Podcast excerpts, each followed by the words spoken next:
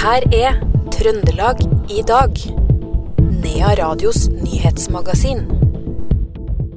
RBK-treneren er fornøyd med sesongen.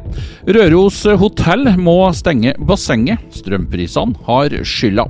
Og arrangementet Meninger, mat og mot ønsker å starte en revolusjon. Dette er noe av det du får mer av i Trøndelag i dag, onsdag 29.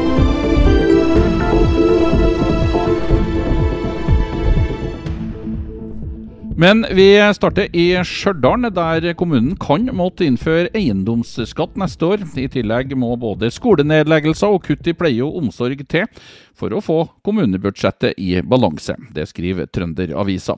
I går la kommunedirektøren frem sin kuttliste for politikerne.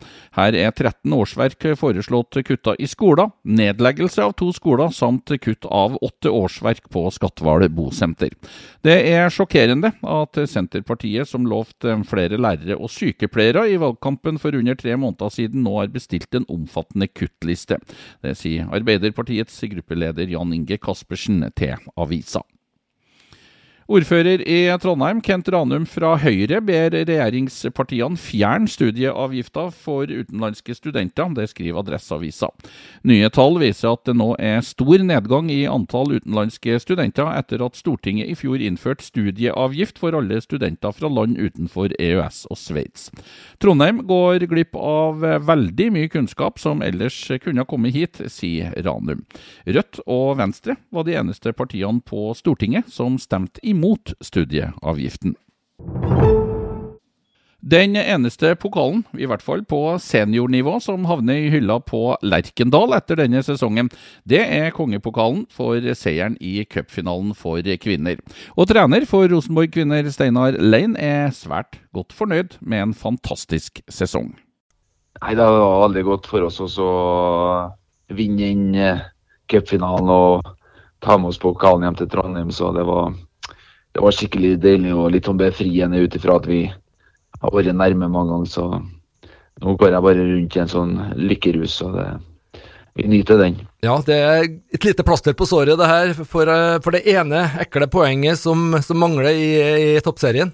Ja, det er klart at vi eh, Det er jo selvfølgelig litt irriterende, men vi leda med tre poeng og det så veldig bra ut. Men så snubla vi litt på oppløpssida, så, så det var vi burde ha hatt et dobbel, men uh, når det ikke ble gull i, i, serien, så var det svært viktig for oss å få gullet da i cupen.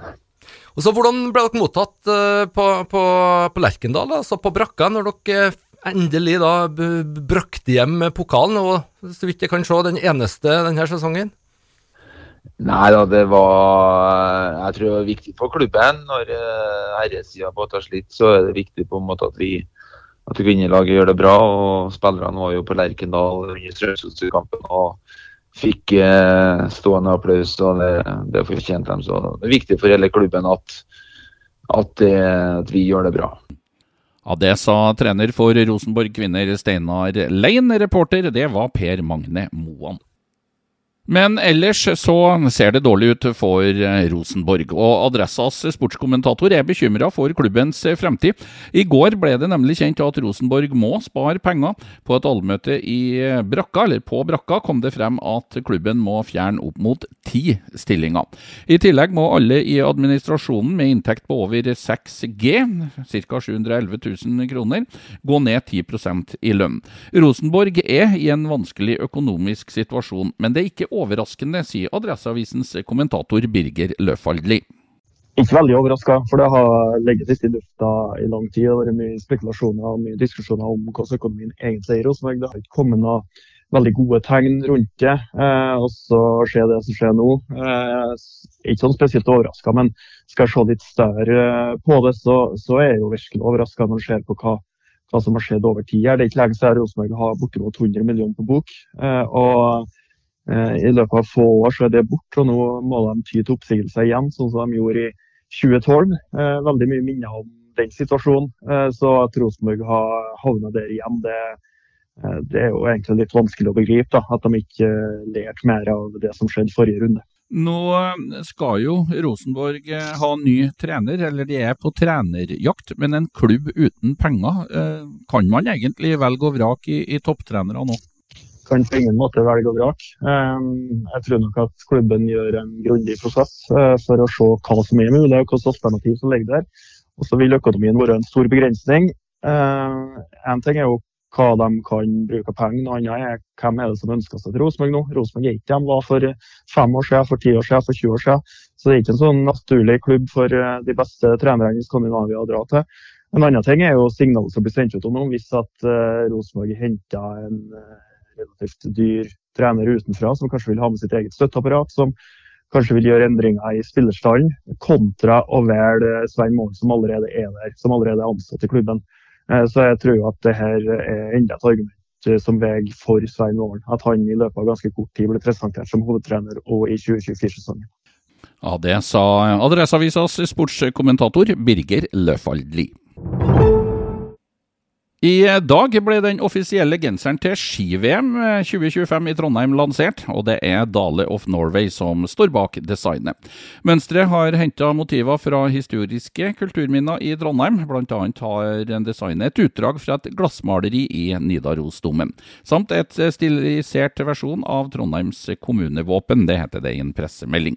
Baksida av genseren den er inspirert av logoen til ski-VM i Trondheim 2025. En av lederne i Fosen-aksjonen, Elle Margit Nystad, ble i går kveld kåra til årets ledestjerne. Dette er en kåring der D2 og Dagens Næringsliv løfter frem ledere under 30 år som gjennom gode ideer, handlekraft eller lederegenskaper bidrar til å gjøre verden litt bedre.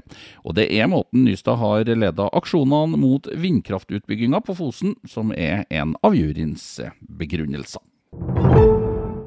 De høye strømprisene de rammer oss alle sammen, også på flere måter. Pga. de høye prisene må Røros hotell nå stenge sine utendørsbasseng i spa-avdelinga.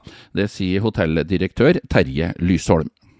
Vi har uh, jobber nå med forberedelsene for å dekke bassenget og utedelen. sånn sett. Så, så det ikke stopp, vi kan ikke stoppe anlegget helt. Det, det går ikke. Det, det, er for stor risiko knytta til det. Men vi pakker det inn så at vi får minst mulig varmetap uh, ut av det der.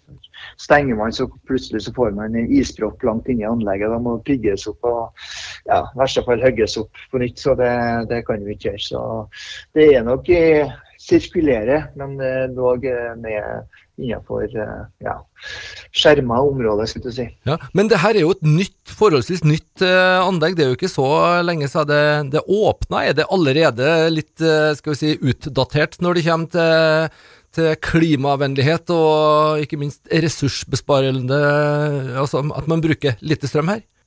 Ja, vi kan jo si at å bygge utendørsbasseng er aldri noe god butikk sånn sett. Eh, den gangen det ble bygd, så var jo også energiprisene helt annet enn det vi opererer med i dag. Eh, nå har det jo vært eh, ganske jevne priser i Norge sett under ett eh, flere år, men eh, det ser vi nå de siste årene har endret seg betraktelig. Og klart eh, Både seks og åtte ganger opp i pris, så sier det seg sjøl at det blir ganske kostbart.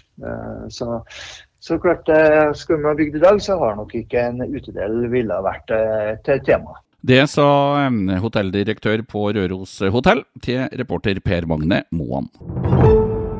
Rennebu kommune har de to siste årene gått med nærmere 40 millioner kroner i minus. Nå venter en hard kur med innsparing på 20 millioner kroner i drifta neste år. Det foreslår kommunedirektøren i sitt budsjett.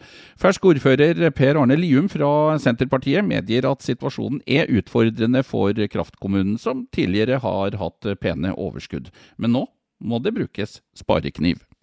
Ja, det er tøffe tak, og det er jo ikke noen artig situasjon å gjøre sånne innsparinger. Da. Det er artigere å bruke penger enn å spare.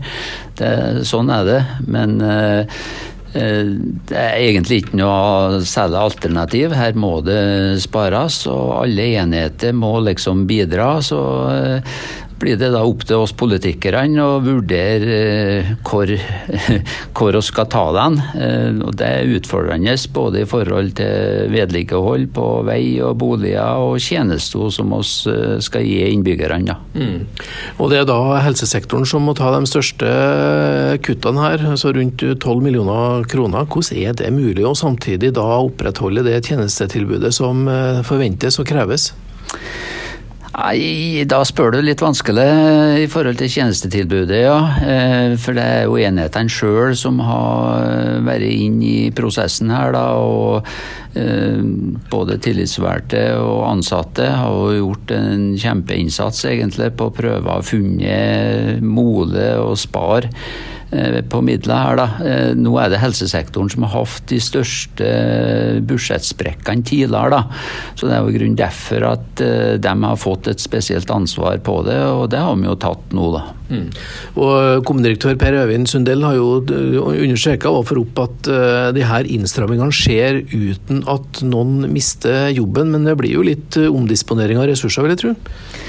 Ja, det blir det nok eh, det, da. Eh, men eh, så håper jeg jo at det er helst litt med sånn naturlig avgang, som man sier, da. Pensjon og sånt, som gjør at de får det her til å gange opp. Da. Så det, det, skal nok ikke sies opp noen eh, direkte, sånn som jeg har forstått det, nei. Ja, Det sa Rennebu-ordfører Per Arne Lium. Han ble intervjua av Per Ole Aalberg fra Radio E6. Og budsjettforslaget det ble behandla av formannskapet i går, og skal vedtas av kommunestyret den 14. I kveld starter arrangementet Mening, mat og mot på Kuben kulturhus i Grong. Planen er at grasrotopprøret skal spre seg til hele landet. Temaet er matsikkerhet, forbrukermakt og betydninga av levende lokalsamfunn. Til stede er bl.a. politiker Per Olav Lundteigen og matbloggeren Anders Nordstad. For nå haster det med å stå opp for den norske maten og den norske bonden. Det sier initiativtaker Edel Urstad. Dette er starten på ei grasrotbevegelse der vi setter matsikkerhet, forbrukermakt og levende lokalsamfunn opp på førstepri. For mat og vann må vi ha. Det her starter nå da i Grong i kveld, men målet er at det skal spre seg til hele landet? Ja, det er faktisk. Mm, absolutt. Jeg måtte uh, hjem og starte der jeg kommer ifra.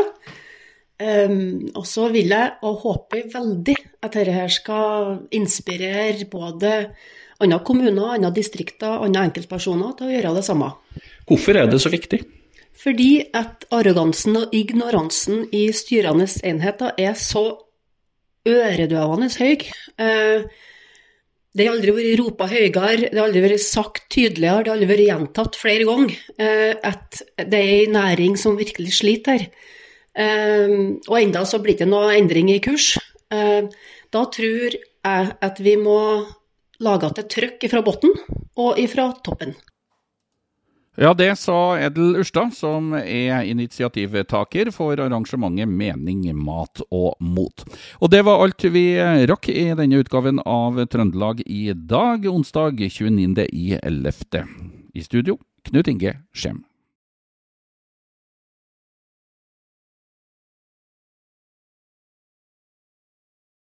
thank